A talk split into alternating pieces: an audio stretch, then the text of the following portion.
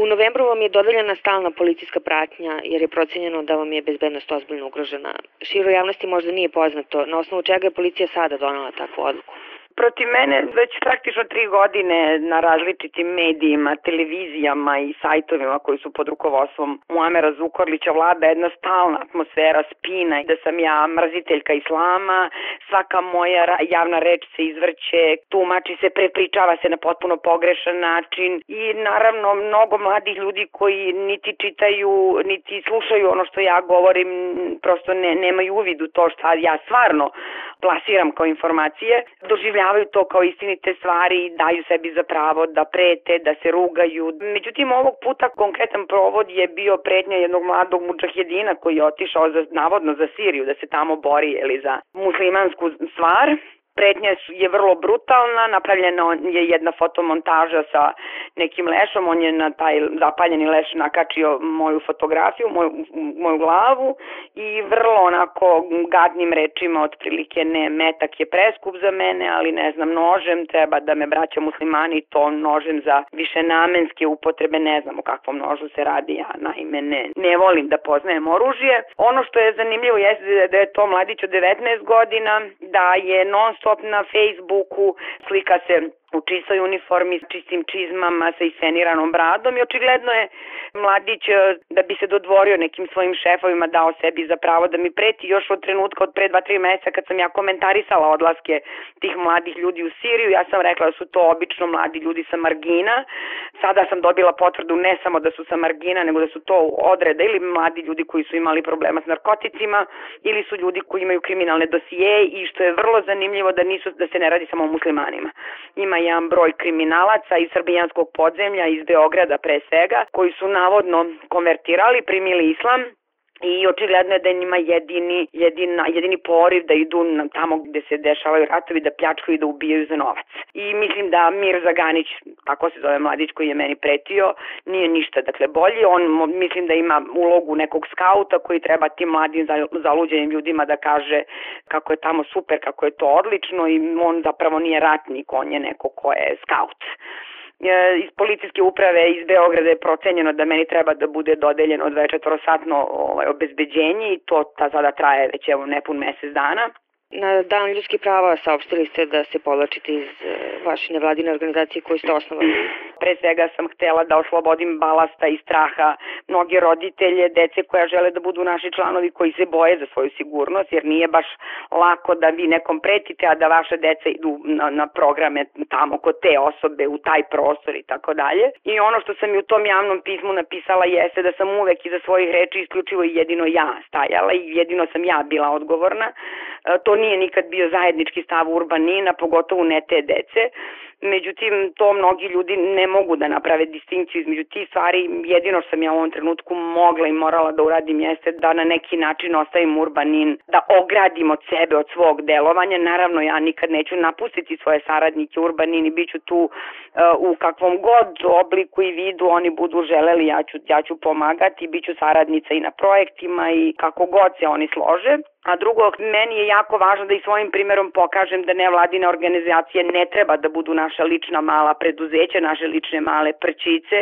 već da su naš legasi građanima među kojima mi živimo. Ja sam stekla utisak iz vašeg pisma da taj čin e, napuštanja urbanina zbog vaše bezbednosti i zbog njihove budućnosti pomalo leži na savesti ne samo države, nego i civilnog sektora ukupno. Naravno. I da postoji jedan nivo nedozvoljive nekažnjivosti koju je ovo društvo zapravo omogućilo. Pa bih vas pitala za prosto istoriju progona kome ste bili izloženi proteklih 15 ili 20 godina i koji su to sve slučajevi koji su polako stvarali atmosferu nekažnjivosti, odnosno da onaj ko vama preti i ko vas progoni zapravo neće imati nikakve posledice. Ono vreme, 90-ih vreme Miloševićevog režima, onda je,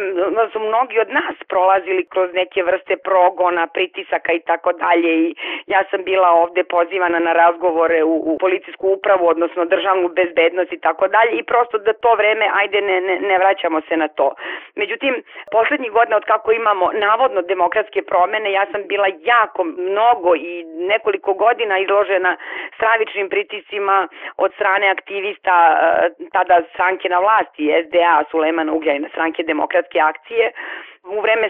izbora, predizbornih kampanja nama je prećeno, deca i ja smo maltretirani u vreme kad smo lepili predizborne kampanje, gde smo prosto tokom tih kampanja samo pozivali mlade ljude i žene da glasaju ništa više, ni za koga nismo, da kažemo, zagovarali. Meni je bilo zabranjeno da uđem u zgradu lokalne uprave, opet su korišćeni svi mogući sajtovi, novine, da se moje ime oblati, da se moj privatni život e, stavi na, na najbrutalniji, najružniji, najprimitivniji, najna najprostiji način onako da se stavi u žižu interesovanja, niko se nije bavio zapravo onim što ja radim. I niko moj rad de facto nije dovodio u pitanje, većina tih ljudi zapravo i ne zna šta ja tačno radim i čime se Urbanin bavi, ali je zato bilo najvažnije da komentarišu moj bračni status ili da li sam ja ružna ili ovakva ili onakva. I kad je taj, da kažemo, se na neki način malo stao ta jedna vrsta pritiska od strane SDA kad je došlo do promene vlasti,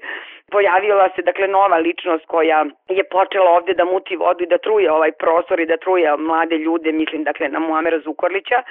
I kad sam ja počela javno da govorim o tome da on zloupotrebljava islamsku zajednicu koja je za mnoge ljude ovde najsvetija i najvažnija institucija, kad sam skretala pažnju da on sve što je vredno za islam banalizuje, obezvređuje, kada sam skrenula pažnju da, da žene koristi i zloupotrebljava u, u te neke političke spinove i za, za, za krajnje sebične političke svrhe, onda je usledio tekst u listu danas kao odgovor na moj list Marama kao politika, hijab Marama kao politika,